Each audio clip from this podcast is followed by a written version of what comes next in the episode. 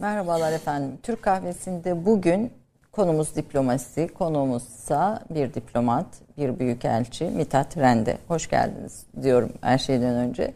Ee, Türk kahvesinde pek çok konuyu konuştuk aslında. Tarih, uluslararası ilişkiler vesaire ama diplomasi ilk defa konuşuyoruz. Mithat Rende de bu noktada ilk konuğumuz. Mithat Rende'nin bir özelliği özellikle uluslararası müzakerelerde mücadeleci diplomat olarak e, öne çıkması OECD, NATO, işte sınır aşan sular, enerji, e, savunma gibi pek çok alanda Türkiye'nin e, ön, öne sürdüğü, müzakereci e, diplomat olarak öne sürdüğü önemli diplomatlardan birisi. Aslında diplomasinin efsane isimlerinden birisi. 42 yılı aşkın meslek hayatında pek çok başarısı Türkiye'ye kazandırdığı, Türkiye adına e, yürüttüğü müzakerelerde kazandırdığı pek çok önemli e, adımı olan, pek çok ilişkinin gelişmesine katkı sağlamış birisi. Hoş geldiniz Hoş efendim. Hoş bulduk Ayşe. Tabii böyle bir diplomat olun da olunca karşımda ben de böyle biraz kelimelere dikkat ediyorum. Çünkü sizin işiniz kelimeler, kelimelerle ilerliyor. E, müzakereci diplomat nedir diye bir önce bir sorayım. Fakat ondan sonra da sizin öykünüze yani buraya geliş hikayenize ve e, bu diplomasinin gerektirdiği niteliklere, donanımlara gelmek istiyorum. Bir önce oradan başlayayım. E, diplomaside e, ikili diplomasi var ve çok taraflı diplomasi var. Çok taraflı diplomasi daha ziyade e, masa etrafında birçok ülkenin e, üçlü olabilir. Çok e, yani ikili değil de üçten itibaren e, üç ülke söz konusu olduğunda çok taraflı e, diplomasi. diplomasi oluyor ve tabii daha çok uluslararası kuruluşlarda, örgütlerde yürütülen e, uluslararası anlaşmaların, sözleşmelerin, konvansiyonların müzakere edildiği e, e, diplomasi, e, çok taraflı sistemin yani uluslararası sistemin e, devamını e, sağlayan, işte barış, huzur, istikrar, refah e, amaçlayan Birleşmiş Milletler kapsamındaki diplomasi, diplomasi faaliyetleri, işte Birleşmiş Milletler'in yan kuruluşları, NATO'daki müzakereler, AGİT'teki, Avrupa Konseyi'ndeki, Avrupa Birliği ile ilişkilerimiz kapsamındaki müzakereler, bütün bunlar çok taraflı e, diplomasi ve çok taraflı müzakere e, deniyor bunlara. Bir de ikili ilişkiler var. Bir yere büyükelçi veya e, müsteşar olarak atanırsınız. Orada da e, ikili ilişkileri geliştirmeye çalışırsınız. O biraz daha yani çok müzakereci olmak Gerek, gerekmiyor. Gerekmiyor. Orada yani müzakereci olunca ne oluyor? Yani ne oluyor derken yani Türkiye'nin işte işte NATO enerji sınır e, aşan sular daireleri gibi iklim baş müzakerecisi gibi yani birçok alanda baş müzakerecimiz olmuşsunuz. Bu olduğunda ne oluyor? Yani ne oluyor derken kastettiğim şey şu. E, siz hangi donanımlarınızla böyle bir görevi e, e, görev veriliyor Estağfurullah. size? Yani çok çok değerli Dışişleri Bakanlığı'nda çok değerli büyüklerimiz müzakere konularında ön plana çıkmışlar.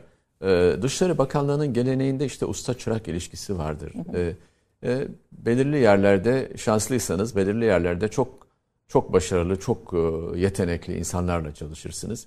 Ve o usta çırak ilişkisinde e, siz eğer iyi bir gözlemciyseniz ve meraklıysanız bu işe e, bu bunu belki zaman içinde kazanırsınız. Çünkü böyle birden müzakereci Olmuyor. olunmuyor. Fakat tabii belirli müzakereci olmak için belirli e, şeylere ihtiyaç var.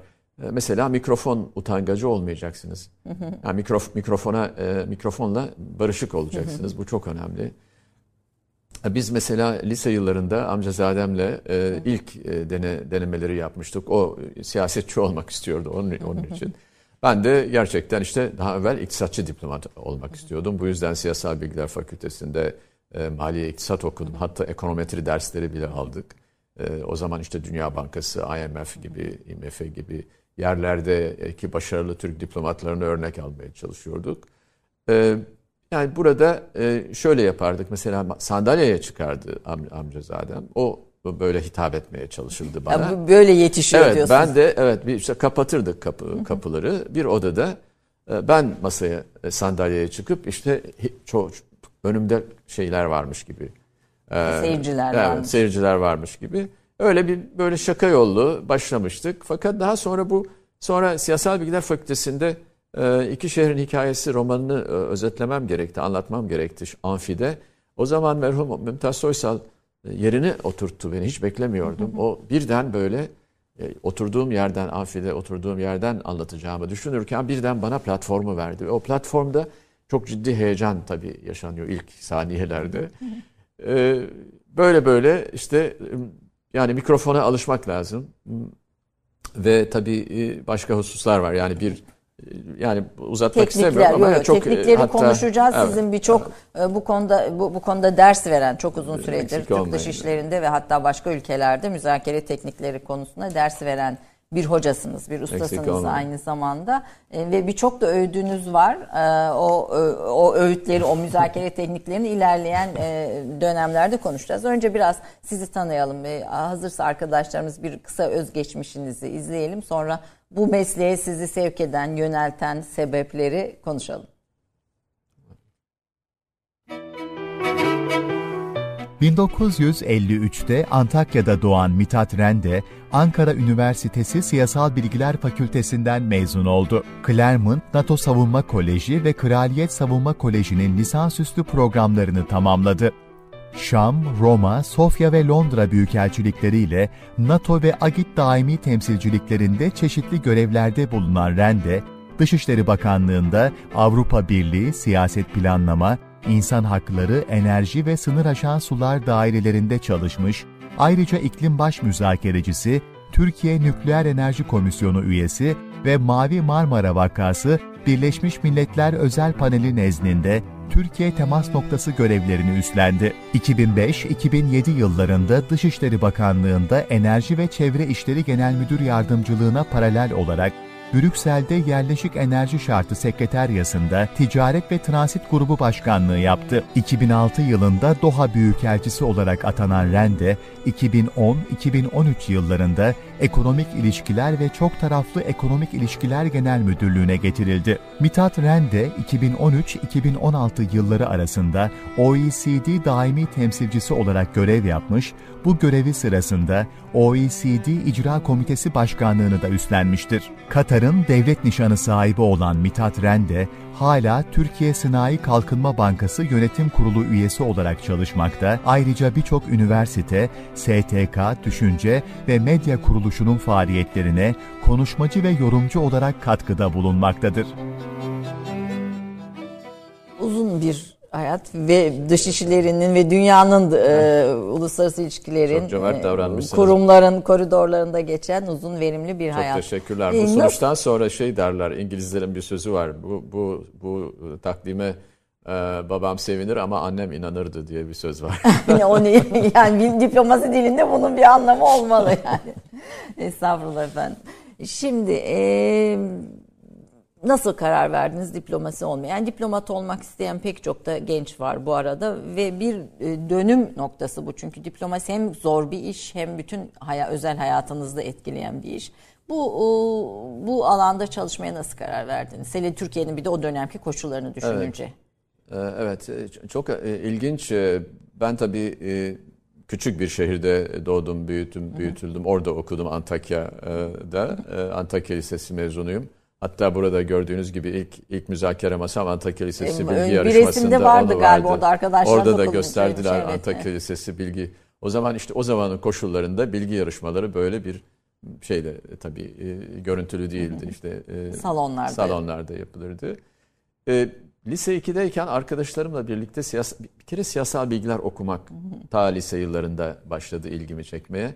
Değişik. O zaman herkes mühendis veya doktor olmak istiyordu Antakya'da fakat ben de böyle bir siyasal bilgiler fakültesi hayranlığı ve şeyi yani acaba ileride diplomat olabilir miyim dediğim gibi işte iktisat diplomasi vesaire beraber ilgimi çekti ve gittik siyasal bilgiler fakültesine üç arkadaş sıra arkadaşları e, Süleyman ve Fevzi beraber gittik e, hemen rozetleri aldık ve lise 2'deyken siyasal bilgiler fakültesi rozetleri taktık.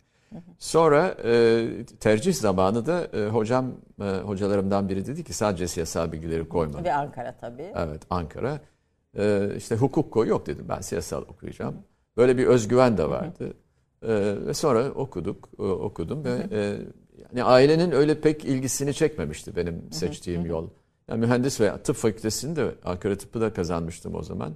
Fakat e, istemediler benim siyasal bilgiler fakültesine gitmemi. E, çok önemini kavrayamam, kavrayamamışlardı o zaman. Ama ben de ısrarla o mücadeleci tavrım veya nedeniyle öyle başladı. Sonra da ee, sonra da önce dış ticarette başladım. Ee, dış ticaret genel sekreterliği diye bir e, şey vardı Ticaret Bakanlığı'na bağlı. Orada başladım. Ondan sonra da Dışişleri Bakanlığı'na e, geçtim. E, ve mesleği çok benimsedim tabii. E, keyifli ve çok onurlu, e, çok e, yani çok renkli, e, sürekli geliş kendinizi geliştirmenizi e, gerektiren bir meslek bu. Yani her an her an olayların gerisinde olma lüksünüz yok. Sürekli her gün sabahleyin kalktığınızda mutlaka basını izlemeniz lazım, olayları izlemeniz lazım, okumanız gerekir. Belirli konularda tarihi, e, e, belirli konuların tarihini, Mesela, dosyasını e, bilmeniz lazım. Sizin için işte bilgisi ve hafızasıyla e, çok önemli e, bir diplomattır sözünü birçok yorumcudan da e, sizinle ilgili e, yapılan araştırmada birçok insan sizinle ilgili bunu söylüyor. Bilgi ve hafıza yani ikisi ikisi bir arada bir diploması bir diplomatın olmazsa olmaz e, galiba kurallarından birisi. E, şimdi bu bilgi ve hafıza derken neyin bilgisi? Mesela bir ülkeye atanıyorsunuz yani bir evet. ülkeye gidiyorsunuz e, ve ne öğreniyorsunuz gittiğinizde bir ülkeyle ilgili ilk öğrendiğiniz ve bildiğiniz şeyler dikkatinizi çeken şeyler neler oluyor bir diplomat açısından? E, ilk atandığınız zaman müsteşar, katip veya e, büyükelçi olarak ilk yapılması gereken şey o ülkeye ilişkin okumalar yapmak. Çok önemli. Gitmeden evvel mümkün olduğu kadar okuma yapmak gerekiyor. Bunu e, önce Dışişleri Bakanlığı'nda e, eskiden çok iyi tutulurdu. Ülke raporları var. Ülke raporları ve ülke dosyaları var. O ülke dosyaları ve raporlarıyla başlanır. Hatta atandığınız zaman eğer büyükelçi olarak atanırsanız diyelim ki arada e, atanıyorsunuz ama işe başlamayla atanma arasında 5 ay geçen zamanda Dışişleri Bakanlığı sistemi size sürekli oradan gelen bütün yazışmaları da aktarır. Yani sizi böyle beslerler e, ilgili genel müdürlüklerle e, temas halinde olursunuz. Ama çok önemli önemli bir husus kitap o ülke hakkında yazılmış kitaplar varsa. Mesela Doha'ya tayin olduğumuzda El Cezira e, e önemli bir kurumu, halen çok önemli bir kurumu Katar'ın. El Cezire'nin hikayesini anlatan bir kitap. Hemen onu e, bulduk, o, okuduk. Sonra da bir e, Türk yazarın e, Osmanlı döneminde Katar Zekeriya kitabı. Kurşun, evet, Zekeriya Bey de evet e, konuğumuz Onu olmuştu. hemen aldı. Evet. Çok fazla da e, yani çok fazla yazılı çizili şeyler yoktu ama çok iyi mümkün olduğu kadar bilgi toplamak ve bilgiyi bir de ve not almak. Çok önemli. Ama bu bilgi sadece gördüğüm kadarıyla böyle hani e, ne diyelim tarihi veya işte ekonomik sosyal bilgi değil, sosyal hayata dair de bilgi topluyorsunuz. Evet. Yani evet. Evet. ben sizin Doğa Büyükelçiliğiniz döneminde ziyaret ettiğimizde e, biz kadına ilgili çalışma yapıyorduk. Ve oradaki sosyal yaşama dair bize o kadar çok şey açtınız, o kadar çok ufuk açtınız ki bilgi verdiniz. Yani sadece şey değil, hani normal bilgi değil. Yani o insanlar ne giyer, nasıl düşünür, nasıl yaşarlar evet. buna dair de bir sosyal yaşam bilgisi de evet, galiba toplumu, bu. Toplumu iyi tanımak lazım. Sadece e, dışişleri yani bir ülkenin dışişleri koridorlarında gezmek yetmez. Yani o ülkeyi çok iyi tanımak gerekir. Sizin antenlerinizin de bilgi derleme toplama yeteneğinizin veyahut da e, kanallarınızın da çok iyi işlemesi gerekir. Yani toplumu iyi tanırsanız e, mesela e, şöyle aklıma şimdi geldi işte rahmetli Mustafa Koç'u tanırsınız evet, işte. Evet. Mustafa Koç bir gün bana bir mesaj gönderdi. İşte Sayın Büyükelçim işte şu tarihlerinde şu tarihlerde Katar Başbakanı ile görüşmek üzere e, Doha'yı ziyaret edeceğim. Eğer uygun görürseniz işte bu ziyaretten önce e, sizleri e, bu görüşmeden evvel sizleri makamınızda ziyaret etmek isterim diye bir ben de memnuniyetle dedim. Geldi e, ruhu şad olsun. E, Mustafa Koç e, e, çok ciddi şekilde e, hem kendisi ve danışmanı hem not aldılar hem uzun uzun dinlediler. Çünkü telefonda anlatılmayacak şeyler de var. Yani o, o ülkenin Dışişleri Bakanı, Başbakanının e, hangi özellikleri var, e, nasıl çalışırlar, neye önem verirler, e, hassas oldukları konular var mı? Yani burada sofra düzeninden, yemek alışkanlıklarından, işte hediye sistemini... Zaafları var mı, sevdiği konular var mı, Türkiye'ye bakışı nasıldır, e, nasıl davranmak lazım, nasıl konuşmak gerekir, e, sözü kesilebilir mi, kesilince kızar mı? Bütün bunlar yani e, o karakter tahlili de yapma, yapmanız gerekiyor belirli e, kişilerin o görev yaptığınız yerde. O zaman e, e, çok memnun memnun ayrılmıştı e, evet. sefaretten. Bunları yapıyoruz ve yapmamız gerekir. Ne bileyim mesela siz geldiğinizde Doha'ya e, tabii işte oranın mesela Katarlı kadınların yaşam biçiminden, e, şeyhaların profilleri, işte şeyha diyoruz, işte prensesler, işte o prenses deniyor işte belirli körfez ülkelerinde, Katar'da şeyhalar.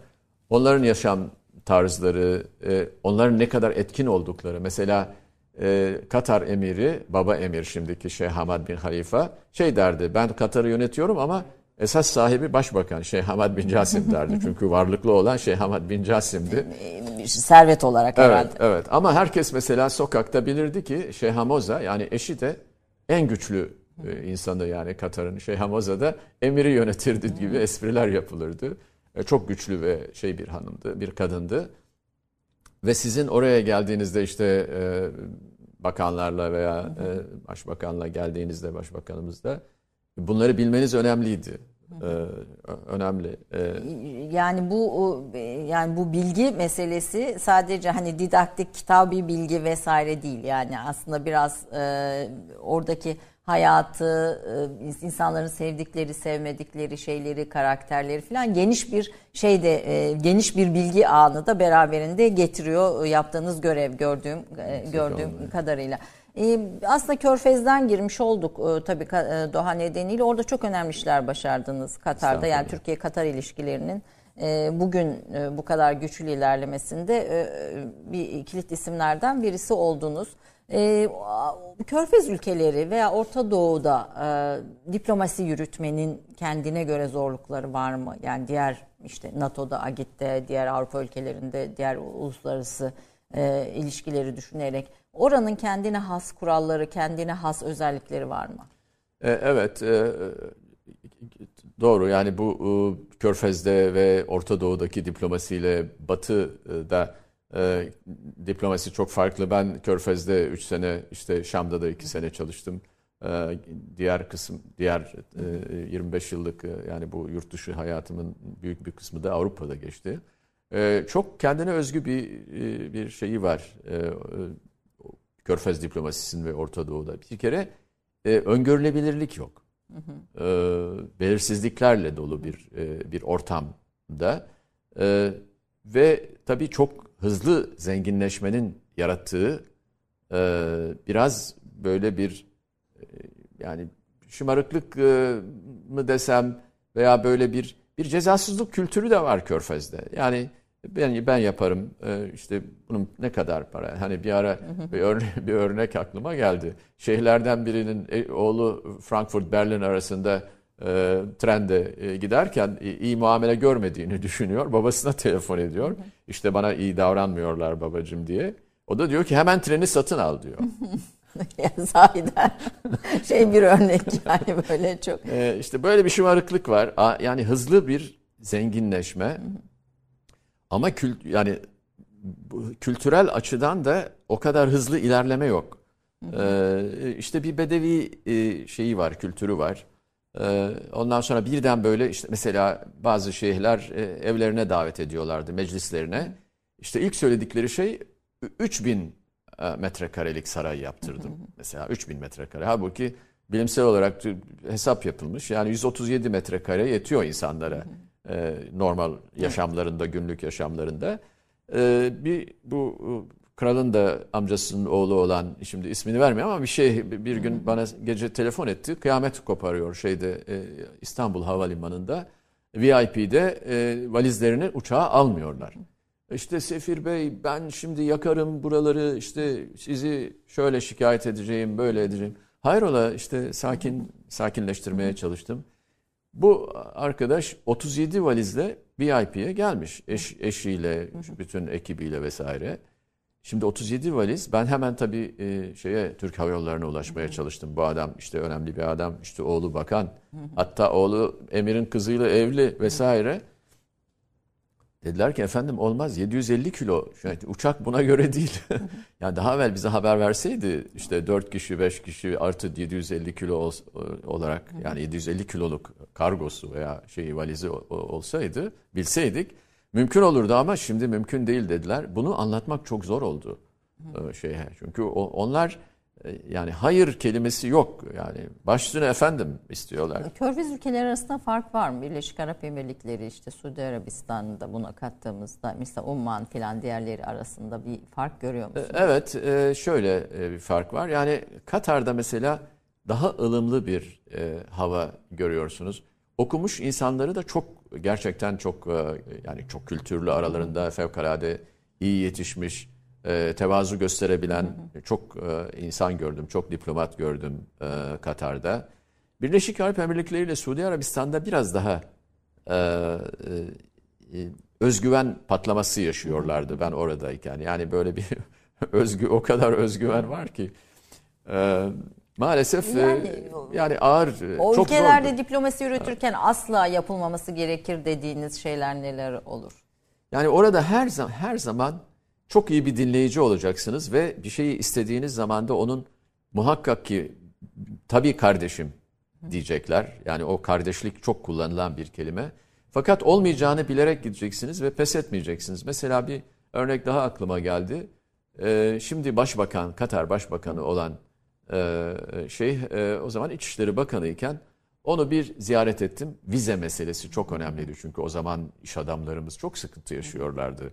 Vize almak çok zordu. Bir de çok işçi ve mühendis götürüyorduk buradan. E, e, toplam e, üstlenilen e, proje sayısı 9,5 milyar doları bulmuştu. Gittiğimde inşallah dedi.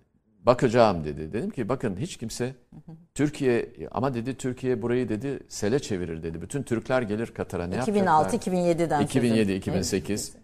Ee, inşallah dedi. Tekrar gittim. 6 ay sonra bir daha ziyaret ettim İçişleri Bakanı'na dedim ki bakın bekliyoruz bu vizeyi havaalanında verin lütfen bizlere. Bakın eğer parası varsa geri dönüş bileti varsa yani bu vizeyi lütfen zorlaştırmayın havaalanında verin. İnşallah dedi. Sonra üçüncü defa gittim. Ee, onun üzerine dedi ki ee, siz dedi hiç pes etmez misiniz dedi. İkimiz ikimizin hayrına oluyor bunların hepsi dedim. Ee, ve ondan sonra da gerçekten vizeyi havaalanında e, vermeye başladılar ve hiç ne biz gittik e, ne biz bütün Türkler gitti Katar'ı doldurdu ne de bir şey oldu yani çok çok da iyi Burada oldu. pes etmeden ilişkileri e, sabırla sabırla yani sabırla bir kere sinirlenmeyeceksiniz. Sinirlen, diplomat evet. sinirlenmez not alır diyorsun. Hiç sinirlendiğiniz olmuyor mu peki? Ee, ısıracak dilinizi ısıracaksınız tabii. Yani e, onu yani biraz e, sabırlı ol, olduğumu e, söylerler. Yani böyle sakin bir gün Uluslararası Denizcilik Örgütü'nde 14 ülke aleyhimizde konuştu. O, o oraya fırsat olursa evet, belki gireriz. gireceğim önemli bir. Ee, 14 ülke konuştuktan sonra benim söz almam gerekti. Hı. Ve o zaman dedim ki yani ben e, tabii not ettim saygıyla da e, not ettim e, fakat e, tabii farklı görüşlerimiz var. Yani burada biz sizin görüşlerinize hiç itibar etmiyoruz dememek lazım. Diplomaside itibar etmiyoruz değil. Not ettik görüşlerinizi. Biz farklı pencereden bakıyoruz. Farklı görüşlerimiz var. Yani biz Sizi sizin ikna görüşlerinize itibar etmiyoruz lafı hiç kullanılmaması yani gereken. Yani bunlar evet kabul etmiyorum, e, reddediyorum kelimelerini kullanmamak gerekir. Reddediyoruz hı hı. kelimeleri. E, gerektiğinde bazen söylenir ama bunun diplomasi yolu var. Yani bir şeyi yanlış yap, yanlış demenin çok e, veya karşı tarafa e, sen galiba çok e, anlamıyorsun beni demenin değişik yolları var. Ne bu yolları reklamdan sonra o zaman dinleyelim. Bunu bu, bunlar bizim için de önemli çünkü hayatta diplomasiden ibaret aslında. Efendim bir reklam arasından sonra değerli büyükelçimiz Mithat Rende ile bu güzel söyleşiye devam edeceğiz. 30 saniye reklam arası. Türkiye'nin tek haftalık haber dergisi Gerçek Hayat, gündemi yakından takip ettiği dosya ve röportajlarıyla her pazartesi okuyucusuyla satış bayilerinin raflarında buluşuyor. Gerçek Hayat artık sayfalardan dijitale taşıyor.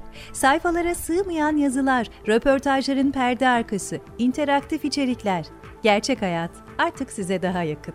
Tüm içeriklerden ilk haberdar olmak istiyorum diyenler. Gerçek Hayat, GZT'nin sosyal medya hesaplarına davet ediyor. Reklam arası sona erdi. Efendim Türk kahvesini yeni açanlar için konuğum Büyükelçi Mithat Rende, Türkiye'nin müzakere, baş müzakerecilerinden birisi. Ee, mücadeleci bilinen bir diplomat diyelim. Şimdi reklamdan önce e, Mithat Bey dedi ki e, asla yanlış düşünüyorsunuz veya bu doğru değil gibi kelimeler kullanmayız. Hani biz e, diplomaside. Onun yerine başka şeyler söyleriz. Ne söylüyorsunuz? Onunla devam edelim. Evet. E, karşı taraf e, karşı tarafı rencide etmemek müzakerede önemlidir. Yani çünkü müzakerede nihayet karşı taraf sizin bir şekilde e, bir şey, o, o anda bir ortaklık oluşuyor. Yani o, o bir adım atıyor, siz bir adım atıyorsunuz ve bir şekilde ortak menfaatler için müzakere ediliyor. Barış için, istikrar için, e, ateşkes için, e, bir pastanın paylaşılması için, e, Doğu Akdeniz mesela vesaire. Dolayısıyla karşı tarafı rencide etmeden mümkünse e, biz farklı düşünüyoruz denebilir. E, ve asla olmaz dememek gerekir. Yani e, bu çok önemli. Asla olmaz. E, ne kadar beğenmiyor olursanız olun, e, şunu yapabilirsiniz belki zaman kazanmak için. Eğer çok kötü bir metin önünüze koydularsa, e, bir dakika ben hukuk müşavirliğimizle, evet bunu bir inceleyelim, bir ara verelim. E, ama e, müzakerelerde biz farklı düşünüyoruz. Şu nedenle farklı düşünüyoruz. Ee, biz e, bizim gerçeklerimiz farklı, bizim önceliklerimiz farklı, bizim hassasiyetimiz biz bu konulara çok duyarlıyız. Kamuoyumuz bu konularda çok duyarlı. Yani bu bu e, sizin sahanızda dobra olmak, aklına geleni söylemek Yok. herhalde en olmayacak şey. evet. Evet. Yani çok e, öz çok özen yani dilinizi özenli, hep ısıracaksınız evet, diyor. Evet, özenli bir dil kullanacaksınız duygusal patlama e, yaşanmayacak. Ama tabii. siz de insansınız sonuçta. Evet. Hadi oradan yani de, diyeceğiniz zaman ol, olmuştur, oluyordur. Evet içiniz. ama siz genellikle önünüzde Türk bayrağıyla müzakere ediyorsunuz. Yani siz aslında ülkeniz, devletiniz, toplumunuz adına müzakere ediyorsunuz. Dolayısıyla orada sizin kendi şahsi kaprisleriniz veya şahsi e, önceliklerinizi tamamıyla onları gemleyeceksiniz. Çünkü orada siz Türkiye Cumhuriyeti adına bulunuyorsunuz. Bulunuyorsunuz. Çok kolay bir şey değil ama. Ve onun için işte e, elçiye zeval olmaz kelimesi de var biliyorsunuz. E, bu, bunu soracağım. Sonra elçiye şey. zeval olmaz mı sahiden? Ve, ve ne anlamda aslında elçiye zeval olmazı niye söylenir? Yani elçi bir ülkenin veya bir bir bir e, bir ülkenin, bir liderin, bir toplumun temsilcisidir. O toplumun o toplum veya o lider veya işte kendi bulunduğu ülkenin cumhurbaşkanı, başbakanı, onu görevlendirdiği için bir mesajı ister iyi olsun ister kötü olsun kötü bir mesaj da götürmüş olabilir. Ama o kişi o mesajı o devlet veya o toplum o lider adına götürdüğünden elçiye dokunmamak gerekir. O sadece bir elçidir. Yani o mesajı götüren kişidir. Dolayısıyla onun başını eskiden başını keserek veya ona zarar vererek aslında yapmak istediğinizi yapamamış olursunuz. Yani sonuç alamamış olursunuz. Elçiye zeval olmaz. Bir de elçiye zeval olmazın bir anlamı daha var. Yani ben söylerim. E, bu, bu isterseniz üzülün, isterseniz üzülmeyin. Yani ben benim görevim bu. Ben size söylemek Peki zorundayım. zeval bunu. olmaz mı gerçekten? Yani zeval oldu. E, çoğu zaman tabii zeval oluyor. Eskiden biliyorsunuz e, şeyde kutularda gönderiyorlardı elçileri. Başlarına. Maalesef. yani bu, bugün içinde farklı şeyler oluyor. Evet. E, çoğu kez hak ettiğinizi değil müzakere ettiğinizi alırsınız e, diyorsunuz. Müzakere ettiğiniz kadarını alırsınız. Doğru. Şöyle bazen e, çok haklı olabilirsiniz bir konuda e, davanızı e, iyi savunamadığınız için kaybedersiniz. Yani müzakere masasında o çok önemlidir. Çok haklısınız sahada.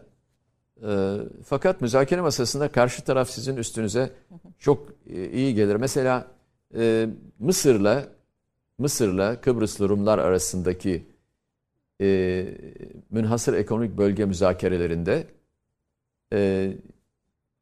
bizce yani bence Mısırlı heyet iyi müzakere etmediği için Katar büyüklüğünde bir alanı o büyüklüğündeki bir alanı yani 11 bin kilometre karelik bir alanı Kıbrıs durumlara bıraktılar. Aynı şey Yunanlılarla son olarak müzakere ettiklerinde 15 bin kilometre karelik bir alan yine Yunanistan tarafına bırakıldı. Bu da aslında sizin hak ettiğiniz bir şeyi iyi müzakere edemediğiniz için kaybetmeniz. Bu yüzden müzakere ettiğiniz kadarını hak şey yaparsınız, alırsınız. Kullanırsınız. Evet. Ee, Birçok şey salonda değil, salon dışında olur diyorsunuz. Evet. Yani salon dışında olur derken oradaki ilişkiler ve şeyleri mi kastediyorsunuz? Evet, e, uluslararası özellikle çok taraflı müzakerelerde, çok taraflı diplomaside e, toplantı, e, resmi toplantılar başlamadan evvel iş bitmiş, çok iş bitirilmiş sayılıyor. Hı hı. Bu yüzden böyle müzakerelerde bir başkanı, başkan kim, raportör kim, bunları çok iyi tanımanız lazım, tanımanız lazım. Onlarla ilişkilerinizi, nezaket ziyaretleri yapmanız lazım onlara gittiğinizde. Diyelim ki mesela, e, mesela iklim e, müzakereciliği sırasında e, orada e, o oturumun başkanı kim, raportör kim, genel sekreter kim, onlar onlarla e, iyi ilişkiler kurmanız çok önemli. Ayrıca bir, de yazılı bunlara daha önce eğer gerçekten e, önemli e, menfaatlerini söz konusuysa ve onları onları e, şeye e, taslaklara geçirilmesini istiyorsanız, anlaşma metinlerine geçmesini istiyorsanız onlarla daha önce temas edip meseleyi anlatıp onlara nezaket ziyaretleri yapıp gerekirse bir de non-paper dedikleri bir kağıt sunmanız ve koymanız gerekir. Ee, yazılı çok yazılı kağıt vermek çok önemlidir. Çok taraflı diplomaside. Yazı kalıcı çünkü. Yazı kalıcı bir de sizi dinler ama dinlerken üç şeyi daha aklından geçer. Ama siz o söylemek istediklerinizi yazıyla da ayrıca buyurun ben size bir de bir sayfalık e, tutumumuzu özetleyen bir şey e, sunuyorum. E, bunu gerekirse değerlendirirsiniz dediğinizde o onu alır, sekreterine verir. Beğenirse veya yardımcılarına onun bir kısmını meczeder. Meczetmek derler ya şeye koyar. Yani metnin içine koyar. Yani böyle daha kolay etkilersiniz.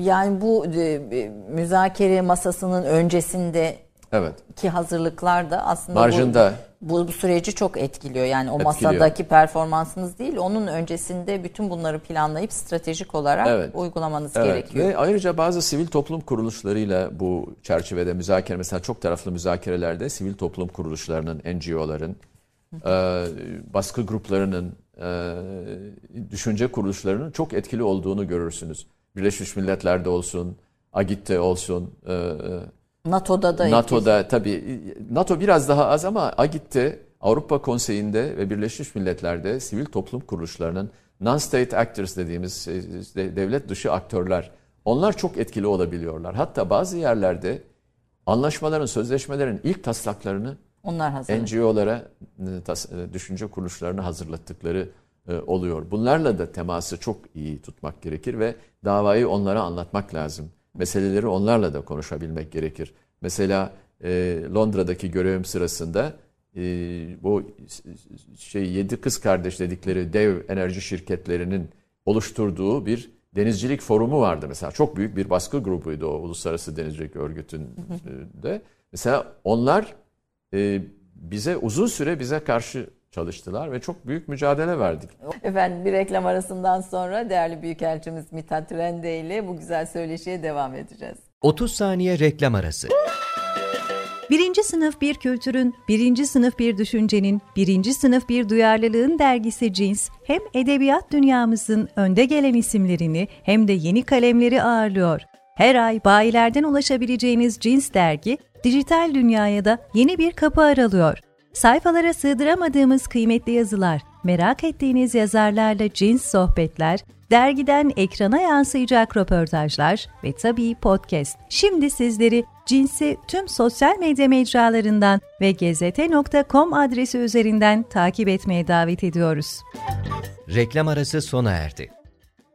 Efendim Azerbaycan'ın Suşa'yı kurtarması üzerine Aliyev'in konuşmasını vererek bir haber kanalı olduğumuzu da hatırlatarak e, Mithat Rende ile söyleşimize bir ara vermiştik ama biz de tam aslında e, Ermenistan-Azerbaycan e, meselesinde e, ki işlevinizde o konuya bakışınızı konuşmak üzereydik.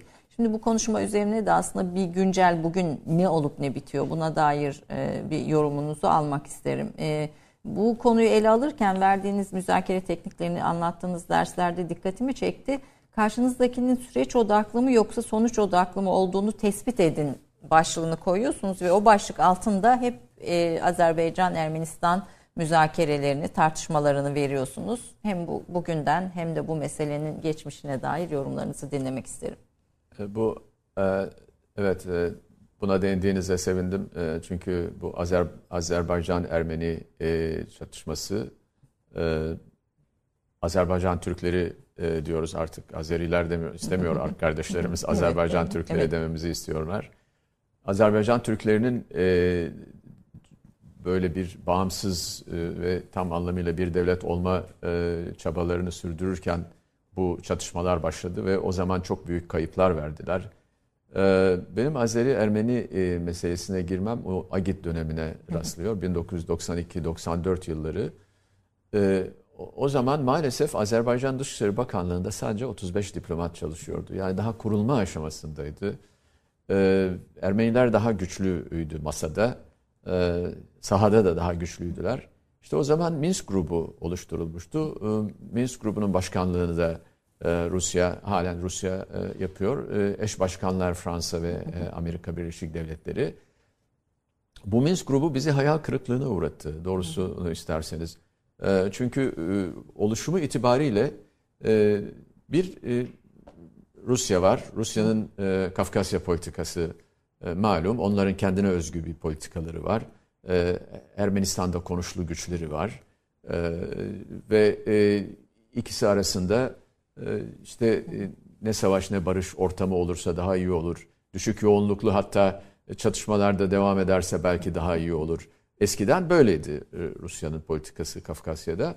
E, diğer eş başkanlar da e, malum nedenlerle işte bir Ermeni diasporasının güçlü olması nedeniyle çok fazla bir şey yapmak istemediler. Birleşmiş Milletler Güvenlik Konseyi'nin müteaddit kararlarına, Birleşmiş Milletler Güvenlik Kurulu'nun şeyine rağmen ee, Azerbaycan lehinde yani bu top, Dağlık Karabağ'ın Azerbaycan toprağı olduğu yönündeki kararlarına rağmen e, senelerce işte böyle e, sanki işte mevcut durum devam etsin e, e, şeklinde e, tavır takınıldı. Yani Minsk grubundan bir şey çıkmadı. Tamamen işte böyle e, devam etsin bu mümkün olduğu kadar e, ve düşük yoğunlukta düşük bir çatışma. Evet ve Ermeniler de sürekli e, e, Azeri tarafına e, saldırılar düzenlediler. Tabi e, Azerbaycan güçlendi, büyük bir e, e, devlet oldu. Devlet oldu. Şöyle ya petrol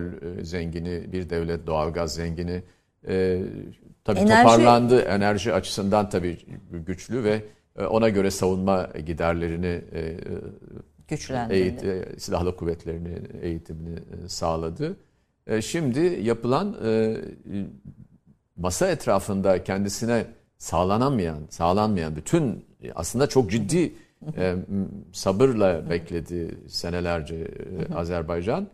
fakat bunun yani müzakere masasında topraklarının işgal edilen topraklarının geri alınmayacağı sonucuna vardılar ve e, Ermenilerin de sürekli kışkırtıcı e, saldırıları sonucu buraya gelindi. Bugün e, tabii e, önemli mesafe almış durumda. Fakat halen e, Dağlık Karabağ'ın dün okuduğum kadarıyla sadece %20 toprakların sadece %20'si kurtarılmış durumda. Halen çok büyük bir bölüm e, Ermenistan'ın kontrolünde.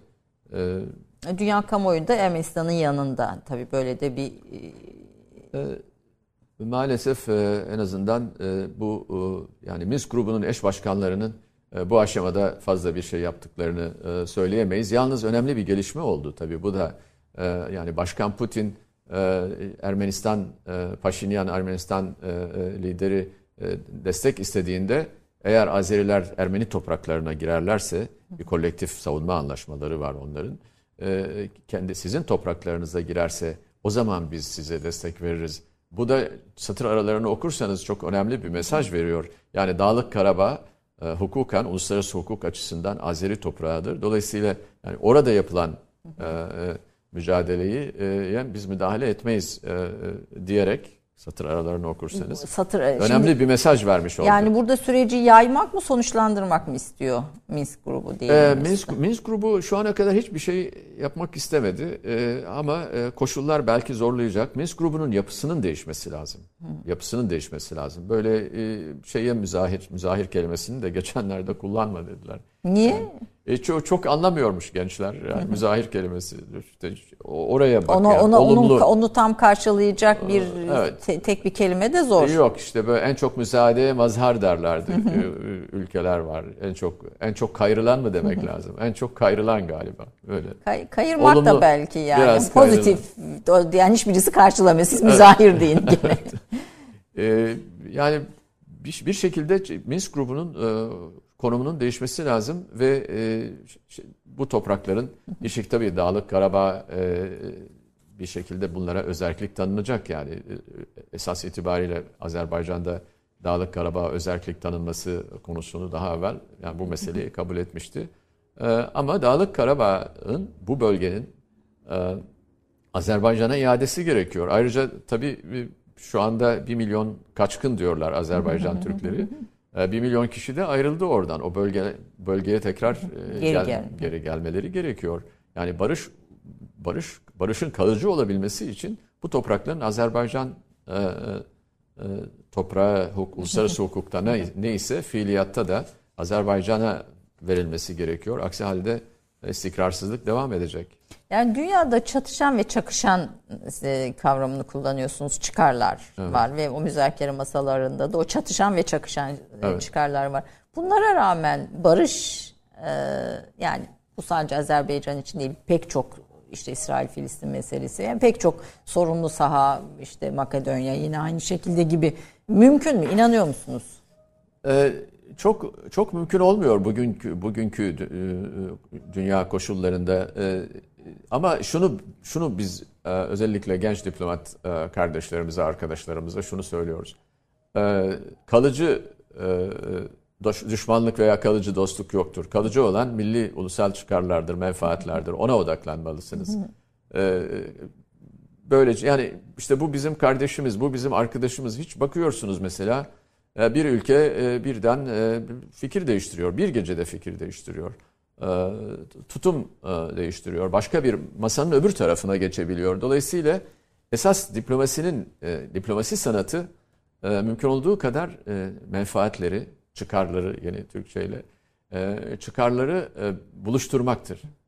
Aslında menfaat daha anlamlı. Menfaat. Çıkar daha ne, şey Evet. bir kelime, Menfaati- daha vasat bir kelime. Bir ülkenin menfaatiyle karşı tarafın menfaatini buluşturabilmek.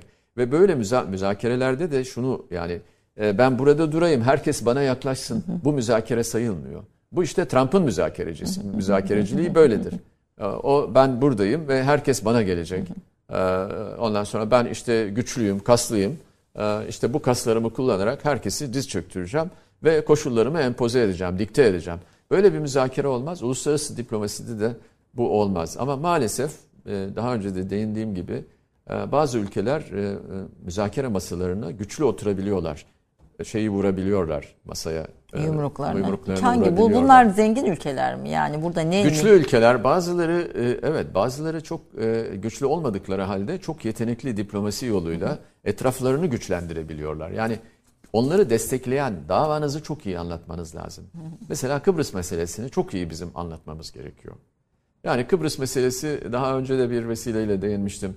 Yani Yunanlar, Rumlar ve Yunanlar Kıbrıs tarihini 1974'te başla, başlatıyorlar. Sanki işte böyle Türkiye'nin Evet, işgali Türkiye- gibi işgal gösterip- kelimesinde çok güzel. İşte occupy, occupation, işgal. Halbuki Kıbrıs'ın bir tarihi var. Yani bir kere 1959-60 Zürih Londra anlaşmaları var. O anlaşmalardan orada İngilizler çok ciddi bir denge oluşturmaya çalıştılar. Sadece toplumlar arasında denge değil. Yani Türk toplumu ve Yunan toplumu ve Rum Kıbrıslı Rumlar arasında denge değil. Aynı zamanda Türkiye'nin uzun vadeli güvenliğini de dikkate alarak böyle bir e, Zürih ve Londra anlaşmaları oluşturuldu. Türkiye'nin garantörlüğü ortaya kondu. E, ondan sonra mesela Kıbrıs e, Türklerine eşit siyasi statü tanındı. Ama 63'te Rumlar bunların hepsini yok ettiler ve bunların hatırlanmasını da istemiyorlar. Yani 74'te her şey 74'te başladı. Halbuki Cumhuriyete el koydular. Kıbrıs Cumhuriyeti'ne. Dolayısıyla yani bunları bizim çok sabırlı bir şekilde çok iyi anlatmamız gerekir. Mümkün olduğu kadar e, ama maalesef işte e, karşı taraf Birleşmiş Milletler'in tanıdığı e, taraf e, işte Avrupa Birliği üyesi oldular. Avrupa Birliği'nin inanılmaz bir hatasıydı. E, şeyin e, Yunanların e, muazzam yani o zaman tehdit savurdu Yunanlar. Mü, mücadelecilik de burada başlıyor herhalde yani mücadeleci, mücadeleci olacaksınız. Olmak da burada sabırlı olacaksınız. Bıkmadan evet. aynı şeyleri tekrar tekrar Pes anlatmak. etmeyeceksiniz ve çok iyi argümanlarla çıkacaksınız. Zaten müzakerede özellikle çok taraflı diplomaside çok iyi argümanlar geliştirmeniz gerekir. Yani böyle e, ben böyle düşünüyorum. Hayır böyle düş ya böyle düşünüyor olabilirsin ama e, şu nedenlerle efendim biz şöyle düşünüyoruz ama şu nedenlerle bunları düşünüyoruz. Bakın ve tarihini de her meselenin dosyasını çok iyi 400 yıllık bir diplomasi tarihimizden söz evet. ediyorsunuz ve bu tarihin evet. bilgi ve belgeye dayalı kıymetli bir tarih olduğunu da söylüyorsunuz. E, kesinlikle yani Türk Türk diplomasisi gerçekten sadece son yüzyılın değil yani 400 yıllık bir diplomasiden söz ediyoruz. Ee, ve e, burada tabii çok ciddi bir birikim söz konusu. Ee, o, o birikimin e, o birikimin neticesinde Türk Dışişleri Bakanlığı ve Türk diplomasisi gerçekten işte sayılı diplomasiler arasında e, sayılır e, ve e, itibar edilir. Hatta bir ara bir söz vardı, e, bir hikaye anlatmışlardı. İşte Yunanlı diplomatlar e, maaşlarının e, bir aşamada maaşlarının arttırılmasını talep ediyorlar.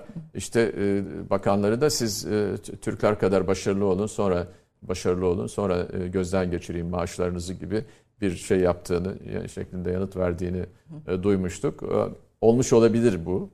E, yani biz aslında bunun kıymetini bilmemiz gerekir. Bu birikim birikim çok önemlidir. Yani şimdi eğer 25 yaşında çok iyi lisan bilen birini 25 yaşında hiç tecrübe kazanmadan sefir yaparsanız o zaman bütün şeyi de sefir yapabilirsiniz.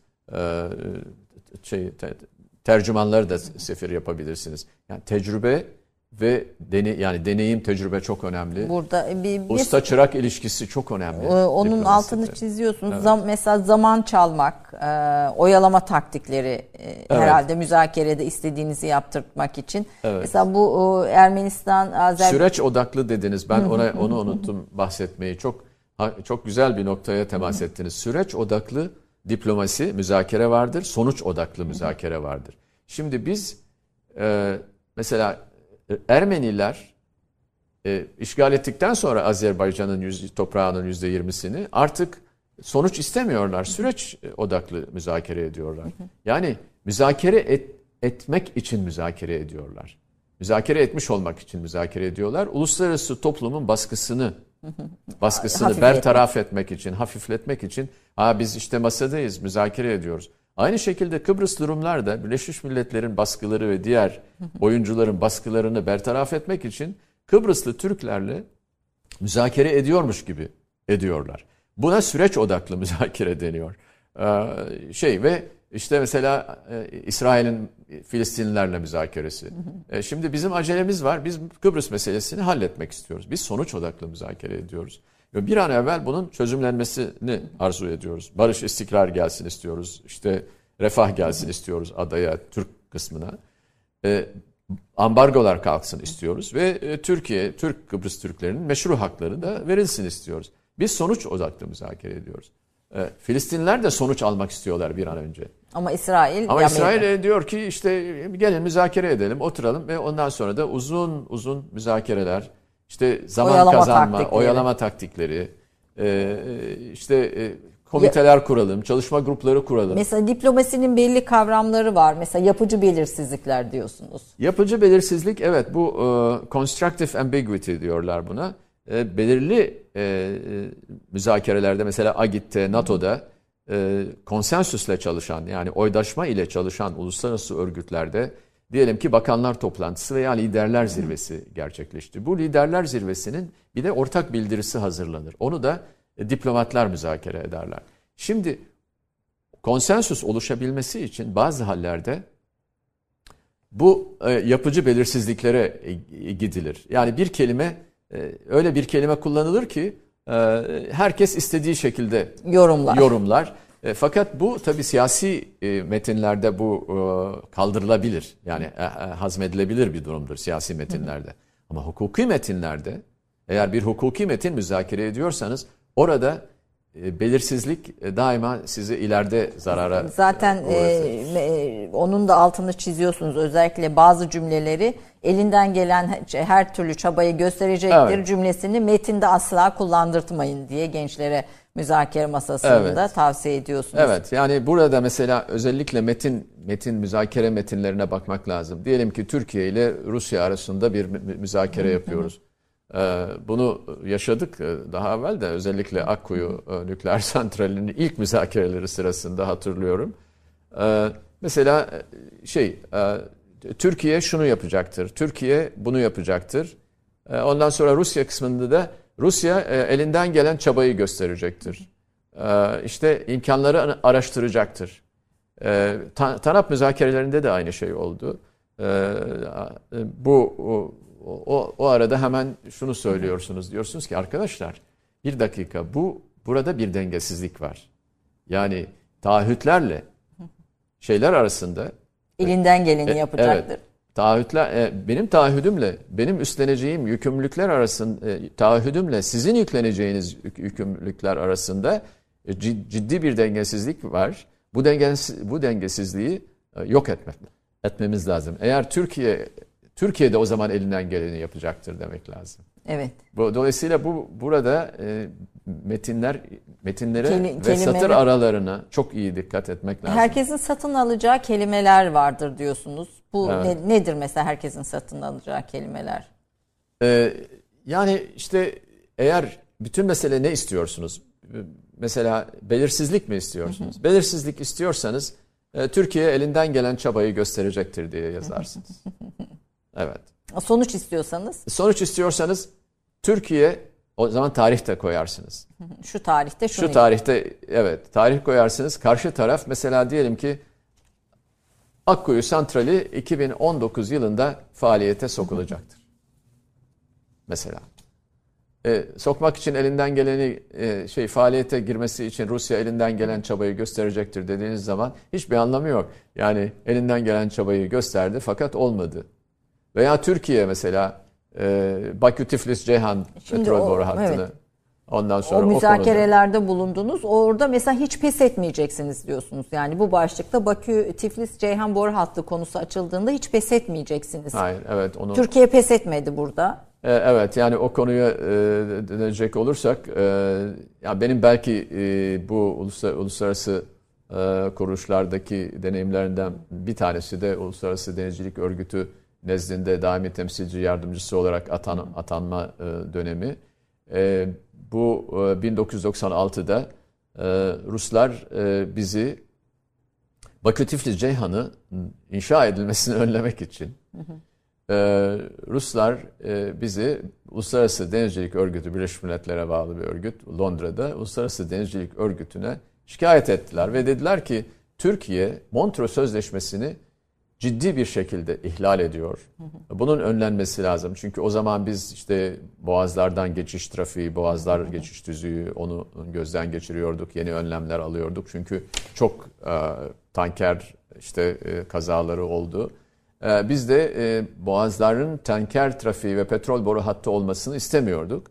E, onlar da Ruslar da mümkün olduğu kadar Azeri ve Kazakistan, Azerbaycan ve Kazakistan petrollerinin Rus toprakları üzerinden uluslararası pazarlara ulaştırılmasını istiyorlardı. Yani bir çeşit bir çeşit kontrolün ellerinde kalmasını istiyorlardı. Ee, o zaman Amerikalı ve diğer e, İngiliz şirketle enerji şirketlerine de bunu bu şekilde ikna etmişlerdi. Ee, hatta Amerikalı bir şirket e, 2 milyar dolarlık bir yatırım da yapmıştı e, Tengiz Novorossiysk petrol boru hattı üzerine. Bizim Bakü Tiflis Ceyhan boru hattını gerçekleştirmeye çalışmamız e, çok bir yani onların hiç istemediği bir bir şeydi. Bu yüzden e, bu bu aşamada o zamanın büyükelçisi Londra büyükelçisi e, bir şey bakanlıktan bir şey bu konuda tecrübesi olan işte uluslararası çok taraflı müzakere konusunda tecrübesi olan birini istedi. Bir müsteşar istedi. Bana nasip oldu gittim. Ee, üç sene gerçekten üç sene e, müzakeresini yaptık bu bunun e, ve orada pes etmedik. Yani mücadelemizi sürdürdük. İyi bir ekip kurduk. hukukçularıyla, işte denizcileriyle, denizcilik müsteşarlığı, deniz kuvvetleri komutanlığı hepsiyle beraber e, ve sonunda Orta, e, Orta Doğu petrolüne alternatif bir e, hat yaratılmasını sağlamış oldunuz. Yani en önemlisi bence Bakü Tiflis Ceyhan stratejik e, önemde bir e, bir petrol boru hattı. Sadece oradan geçen 1 milyon varil petrol petrol değil. Onun e, bence pe, Bakü Tiflis Ceyhan petrol boru hattı Azerbaycan'ın siyasi bağımsızlığını da konsolide eden, hı hı. konsolide edilmesine e, büyük katkısı olan stratejik bir projeydi. E, biz çok para kazanmıyoruz oradan. Bizim şanssızlığımız bunun geçiş ücretini müzakere ettiğimizde varilin fiyatı var, varilin fiyatı 16 dolardı. Şimdi? E, şimdi sonra 140 dolara kadar çıktı ama şimdi 41 dolar mesela Brent fiyatı. Dolayısıyla o zaman çok büyük kazanç sağlayamadık ama stratejik olarak çok önemli bir... E, Sadece bize değil komşumuz Azerbaycan'a da kardeşimiz evet, Azerbaycan. Azerbaycan petrolünün to, Rus toprakları üzerinden değil doğrudan Türkiye, Ermenistan'dan da değil e, Gürcistan Türkiye. ve Türkiye toprakları üzerinden e, dünya pazarlarına ulaştırılmasını sağlamış olduk. E, yani inşallah böyle e, devam, devam eden eder. hayrını görürler. Şimdi o Akdeniz meselesine geleceğim ama biraz böyle bir daha yumuşak. Sadece siz değil aileniz de bu sürecin içinde. Eşiniz Sibel Hanım en büyük destekçiniz evet. herhalde. Yani bir diplomatın ailesi neler yaşıyor? Yani sürekli yer değiştiriyorsunuz. Bir sabit eviniz kolay kolay olmuyor herhalde değil mi? Dört yılda bir yani büyükelçilik görevleri ve elçilikteki diğer görevlerle. Hani mesela bir sabit ev yapabiliyor musunuz? E, maalesef e, e, yapamıyorsunuz e, ama bu arada e, eşim e, Sibel'den e, bahsettiniz. Yani en büyük destekçim oldu. Ben Hı. eğer e, yani biraz hani lütfedip böyle çok e, şey yapıyorsunuz. E, Estağfurullah. İşte e, bahsediyorsunuz e, meslek hayatımızdan.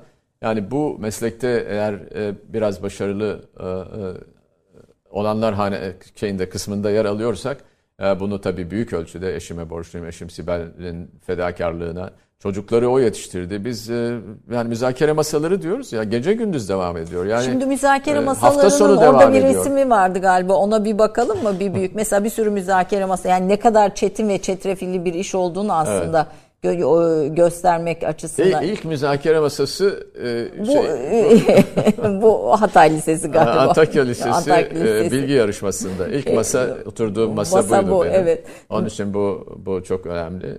E, o zaman tabii dediğim gibi işte böyle telefonlarla vesairelerle yarışmalar yapılıyor bu. Bu tabii bunlar müzakere masası derken işte e, böyle e, mesela bu 1900 87 ee, NATO e. Evet.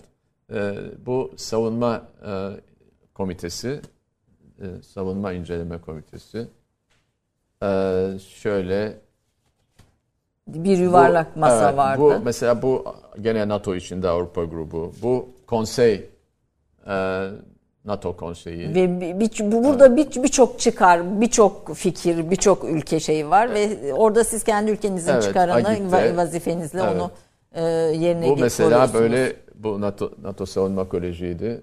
Evet. Böyle bu e, kaç kere taşındınız? Kaç kaç tane 13 ev? 13 kere taşındık. 13 kere taşındık. 13 kere taşındık ve burada en büyük yükü çocuklar ve şey, çocuklar, çocuklar kaç dilli büyüdü? Siz de çok iyi Arapça biliyorsunuz zaten ana diliniz gibi yani. Ee, evet şey e, çocuklar çok e, yani çocuklar bunun hem keyfini çıkardılar, çok iyi yetiştiler ama e, e, çok da e, sıkıntı çektiklerini e, söylemem gerekiyor. Yani bir baba olarak evde çok durabildiğiniz... E, duramadık. Hafta sonu da çalışmak zorunda kaldık. Gece de çalışıldı. çalışıldı. Gece e, gece oturumları düzenlendi. e, cumartesi günleri de bazen e, mesela işte oğlum sen biz o zaman NATO'da en genç e, üçüncü katiptim. E, işte havaalanından e, milletvekillerini Hı. alırdık. E, bir de öyle vazifeler Bir de öyle vazifeler vardı. Hatta bazen bir de oraya gittiğinizde beğenmezlerdi. Siz evladım ne, nesiniz siz? Efendim ben ikinci katip. Bak bak görüyor musun? Katibini yollamış. Kendisi gelmiyor gibi. Büyükelçi. Büyükelçiye kızarlardı. Niye gelmedi Büyükelçi? Efendim Büyükelçinin konseyde toplantısı, konsey toplantısı var falan.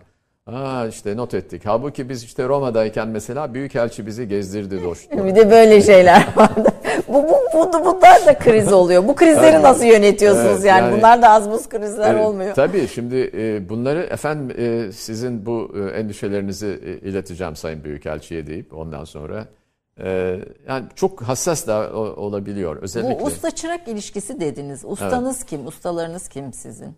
Ustalar ben e, mesela NATO'ya gittiğimde gerçekten müthiş e, ustalar vardı. E, onları e, şeyle yani mesela Osman Olcay gibi bir, çok önemli bir e, New York'ta daimi temsilci NATO'da bir, zekasıyla yabancı dilleriyle e, ön plana çıkmış e, müthiş bir büyükelçimiz vardı Osman Olcay. Ondan çok şey öğrendim. Onun muavini daimi temsilcisi Ümit Pamir Bey var. var. E, halen e, e, tabii şeyde yani e, e, emekli oldu ama e, burada ve önemli düşünce e, e, e, bir düşünce adamlarımızdan biri. Ümit Pamir Bey'den çok şey öğrendim.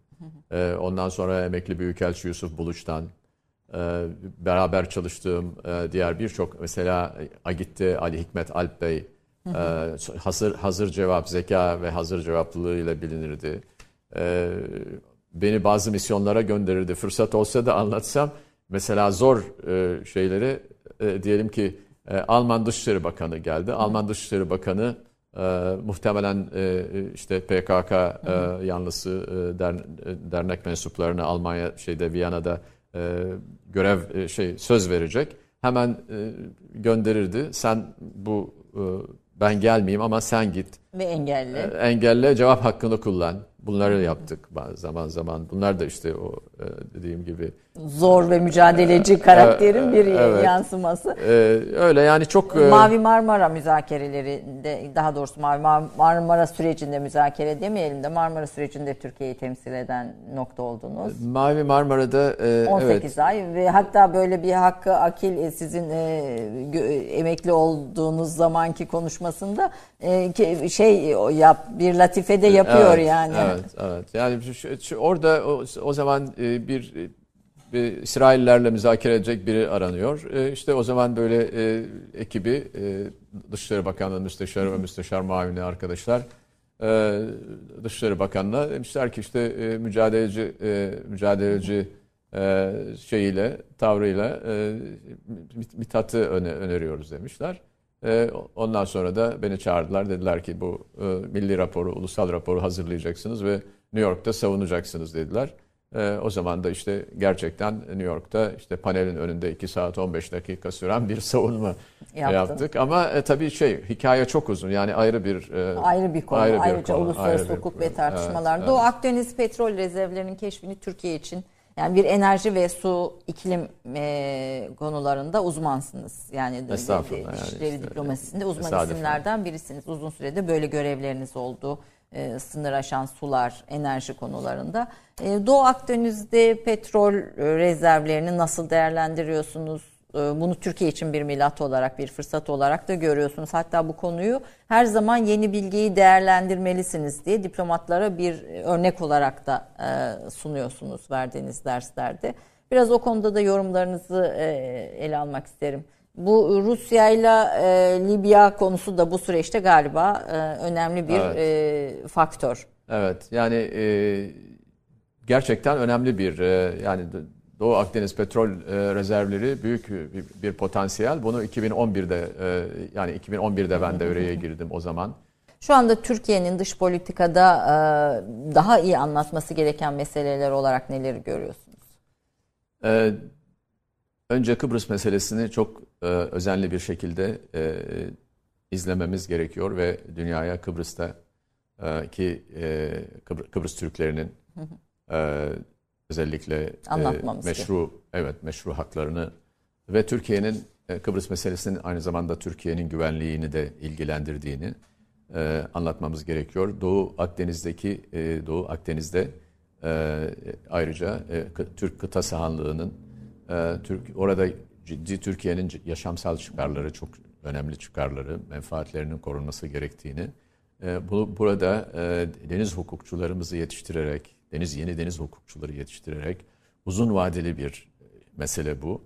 E, Doğu Akdeniz'deki haklarımızın savunulması Doğu Akdeniz'deki enerji kaynaklarından Türkiye'nin istifade etmesi, siyasi baskılara karşı işte Avrupa Birliği'nin, Amerika Birleşik Devletleri'nin, Kıbrıs Rumların ve Yunanlıların yanında veya onların tezlerine yakın bu davranarak bize siyasi baskı yapmaları yaptıklarını görüyoruz. Bunun çevrelenmesi, önlenmesi mümkün olduğu kadar diğer ülkelerle, Doğu Akdeniz ülkeleriyle ilişkilerin normalizasyonu bence çok e, öncelikli.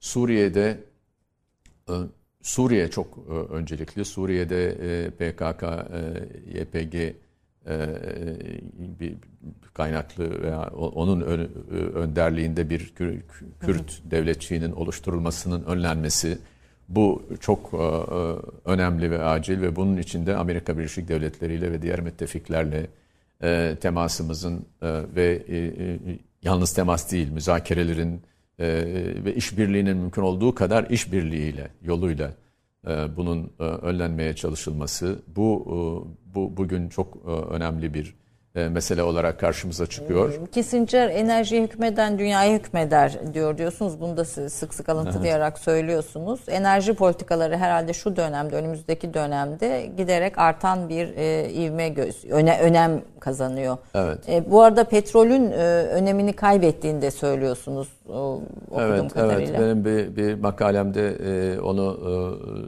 gerekçeleriyle anlatmıştım. E, bir kere iklim değişikliğiyle mücadele e, şimdi e, aynı zamanda e, Biden'ın seçilmesi, seçilmesi ve küçük kısa ilk ilk yaptığı konuşmalardan birinde iklim değişikliği meselesini iklimle iklim konusunu ön plana çıkarması bu yani petrol giderek önemini yitirecek diye düşünüyorum. Hatta bir Uluslararası Enerji Ajansı'nın tahminleri bu bir ara böyle e, işte zirve yapacağı tarihleri yavaş yavaş çekiyorlar bu tarafa. Yani petrolden ziyade doğalgaz daha önemli hale geliyor. Dolayısıyla Doğu Akdeniz'in tekrar sizin sorunuza dönecek olursam Doğu Akdeniz'deki doğalgaz kaynaklarının mümkün olduğu kadar e, e, iyi e, yönetimi gerekiyor. Yani Türkiye'nin keşif yapması gerekir Doğu Akdeniz'de mümkünse.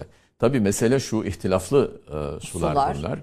Ama ihtilaflı sularda eğer Kıbrıs Rumlar keşif yapabiliyorsa Kıbrıslı Türklerin de e, lisans verdiği Türkiye petrollerinin de keşif yapması e, gerekir ve burada hani oyun değiştirici e, olan rolü, o, rolü şu, şudur. Eğer Türkiye iyi bir keşif yaparsa orada ya Kıbrıslı Türklerin sahalarında veya kendi kıta sahanlığı içinde o zaman da Doğu Akdeniz'de üretici ülke e, potansiyel e, üretici ülke konumunda e, daha e, ön plana çıkabilir. O zaman doğrudan devletlerle ilişki kurmaktan ziyade enerji şirketleriyle ilişki, ilişki kurulur ve enerji şirketleri hani Kıbrıs'ta kapsamlı bir çözüm bulununcaya kadar bu doğalgazın keşfedilecek doğalgazın ekonomiye kazandırılması yolları araştırılır. E, bunu yaparken de Türkiye'nin esas itibariyle Doğu Akdeniz gazı için Türkiye'nin en iyi pazar olduğu başka e, başka bir yere götürmelerine e, ne imkan da yok. Yani Doğu Akdeniz'in özelliği, coğrafyası nedeniyle böyle bir İtalya'ya uzanacak işte bilmem 2000 küsür kilometrelik bir doğal gaz boru hattıyla 3000 metre derinlikten gidecek bir doğal gaz boru hattıyla bunun olmayacağı artık ortaya çıktı. Kıbrıs Rumlar bile bunu kabul ediyorlar. Dolayısıyla bizim e, Libya e, Libya ile ilişkilerimiz, işte Mısır'la, İsrail'le ilişkilerimiz, Suriye dış politikamızın en yönetilmesi gereken en çetrefilli, en zor e, şeylerinden biri. E, Suriyeli göçmenlerin tekrar e, yurtlarına e, dönmeleri, e, tabii e, Karadeniz doğalgazının değerlendirilmesi ama e, bu arada en önemlisi bence ve belki böyle e, bitirmekte e, yarar var uygun görürseniz bizim Avrupa Birliği, Batı camiası Avrupa Birliği ile e, NATO ile e, e, ve yeni Amerika Birleşik Devletleri yönetimiyle ilişkilerimizi iyi yönetmemiz gerekir. Yani bir şekilde yeniden oturup yeni bir strateji belirlemek gerekir. Çünkü o tarafta sürekli Türkiye aleyhinde yapılan açıklamalar var. İşte Türkiye istikrarsızlaştırıcı olarak e, ortaya konuyor. Yani Türkiye Avrupa Birliği'ni istikrarsız istikrarsızlaştıran bir ülke görünümünde sunulmaya çalışıyor. Bunun önlenmesi gerekir. Bunun çevrelenmesi gerekir. Türkiye istikrarsızlaştırıcı değildir. Türkiye e, çok iyi bir müttefiktir. E, zaman bunu göstermiştir. Türkiye'nin güvenilir bir müttefik olduğu, Avrupa Birliği'nin de iyi bir ticaret ortağı olduğu ve bundan sonra da böyle devam etmek istediği. Bunlar bence yapılabilir. Anlatılabilir. Anlatılabilir. Ee, tabii çok ön yargıyla yani bir diplomatın evet. karşılaştığı bir Türk diplomatın en büyük şeyin ön yargılar e, evet. olduğunu söylüyorsunuz. Negatif evet. ön yargılar olduğunu söylüyorsunuz. Evet. Ve bunlara da diplomatlara e, için bunlara hazırlıklı olun diyorsunuz. Hazırlıklı olmamız lazım. Yani bize iltifat ederlerken bile e, zaman zaman Türk olamazsınız diyen şey diplomatlara veya insanlara rastlıyorsunuz. Yani biraz böyle e, hani siz Türk olamazsınız sanki iltifat ediyormuş gibi e, ifadeler kullanılıyor. Bir tarihi tortu var, bir ön yargı var. Bu ön yargıya karşı da çok kızmamak, e, kızmadan sabırla işlemek lazım. Yani bir zamanlar mesela Türkiye e, Türkiye'nin algısı yani batıdaki algısı çok olumluydu. Benim mesela e, Almanya'da yaşayan e, hukukçu akrabalarım var. Onlar bir aşamada dediler ki çok olumlu yazmaya başladı Avrupalılar ve Almanlar Türkiye hakkında. Yani bu bunu sabırla işte zaten sabır ve e, bilgiyi kullanacaksınız. Sabır ve çok iyi ekipleriniz olacak. Yani bir de hep gülümseyeceksiniz galiba. E, evet yani sinirle gülümseyeceksiniz. E, peki efendim çok teşekkür tamam. ediyorum. Böyle bugün hem yayın biraz e, geç başladı hem biraz böyle bir araya bir canlı yayın girdi güzel bir haberle ama Sağ böylece olsun. girmiş oldu ama birikimlerinizden istifade etmeye gayret ettik. son olarak programı kapatırken genç meslekler taşlarınıza diplomat olmak isteyenlere tavsiyeniz ne olur? E, diplomat olmak isteyenlere şunu sö- söylemem e, gerekir. E, diplomaside zengin olunmaz. Yani para yapmak için diplomat ol- olmasınlar. İki, aidiyet duygusu güçlü olmalı diplomatın. Yani vatanını, e, yani vatan sevgisinin e, böyle DNA'sında vatan sevgisi olması lazım. Ee, böyle olmayan diplomat ne yapıyor sonra e, başka? Böyle böyle diplomatlar başarılı olamıyorlar. Benim çalıştığım diplomatlar, genç diplomatlardan biri bir aşamada bana ben Türkiye için fazlayım efendim demişti. Hı. Ben de dedim ki o zaman e, sana e, büyük şans diliyorum. Yani hayırlı başarılar diliyorum. Sen sen bir başka bir göreve e, gidersen, başka bir iş yaparsan daha iyi olur. Bir dediğim gibi yani bu bu çok şerefli bir meslek. Çok gurur gururla yapılabilecek bir meslek. Çok tatmin eder insanı. Sürekli canlı tutar. Bakın biz şimdi bu yaşta bile neler anlatıyoruz. Hala heyecanla evet. anlatıyoruz. E, bu iş e, gerçekten sevilmeden yapılabilecek bir iş değil. Çünkü çok talepkar bir e, bir meslek. Yani sizi sizin hafta sonlarınız, sizin geceleriniz her zaman mesela hiç unutmam biz 8'de toplantıyı bitirirdik. Ondan sonra koşarak e, gideceğimiz resmi bir yemek için koşarak çiçek veya başka bir şey alıp çikolata alıp ondan sonra eve gidip e, e, işte gömlek değiştirip elbise değiştirip eşinizi alıp ve bu yağmurlu olabiliyor o gece. O gece Kar karlı olabiliyor. O gece çok zor trafik şartlarında gidebiliyorsunuz. Oradan gidip ondan sonra da e, bir yemekte orada Türkiye'yi, Kıbrıs meselesini, Kürt meselesini, Ermeni meselesini, her türlü meseleyi, ekonomisini, tarihini anlatmaya devam ediyorsunuz gece yarılarına kadar. Bu hem çok keyifli hem çok e, bitmeyen, talep, bitmeyen, bitmeyen bir, talepkar bir evet, vazife ama evet. bunun için ülkeyi sevmek galiba. Ülkeyi sevmek, aidiyet duygusunun güçlü olması e, çok e, önemli. önemli. Çok evet. önemli bir tavsiye evet. olarak değerlendiriyoruz. Lütfettiniz, geldiniz, birikimlerinizden teşekkür faydalandık. Ederim. Çok teşekkür ediyorum. Efendim bugün Türk e, kahvesinde diplomasiyi, diplomatlığı, e, diplomatlık e, meselesini, diplomat olmanın daha doğrusu önemini, Türkiye açısından önemini e, konuşmaya ve anlamaya çalıştık. Daha sonraki bölümlerde başka e, diplomat konuklarımıza da yer vererek aslında biraz Türkiye'yi ve Türkiye'yi çevreleyen koşulların ne olduğunu anlamaya gayret edeceğiz. E, çok teşekkür ediyorum. Hoşçakalın diyorum.